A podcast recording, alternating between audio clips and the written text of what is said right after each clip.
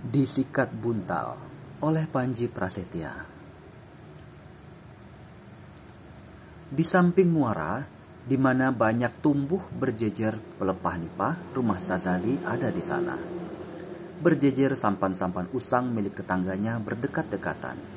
Tempat mereka mencari nafkah dengan menjala ikan, sebagian untuk dijual, sebagian untuk dimakan.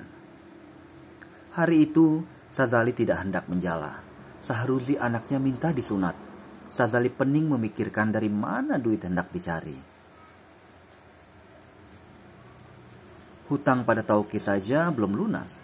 Mau meminjam ke kawan-kawan. Semuanya sama halnya dengan dirinya. Miskin. Sudah satu minggu ini pokok bahasan Sahruzi yang sudah kelas 3 SMP itu-itu saja.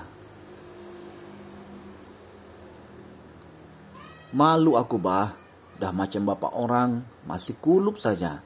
Memelas, dia minta disunat pada bapaknya. Dinasehati anaknya agar bersabar dan banyak berdoa. Siapa tahu nanti ada sunat masal macam yang sudah-sudah. Tapi tahun ini tak ada sunat masal, sebab tak ada calon kepala daerah berkampanye. Pilkada ditunda karena corona masih belum jumpa akal Sazali menuntaskan keinginan anaknya si bujang tanggung satu itu. Sore pun tiba, Sahruzi pergi berenang mencari ikan sambil menembak bersama kawan-kawannya. Tiba-tiba heboh seluruh dermaga. Sahzuri menjerit tak sudah-sudah. Dari balik celananya meleleh cairan berwarna merah. Ke puskesmas Sahruzi di bawah. Kata perawat, pusakanya disikat buntal. Ujungnya lesap serupa orang kena sunat.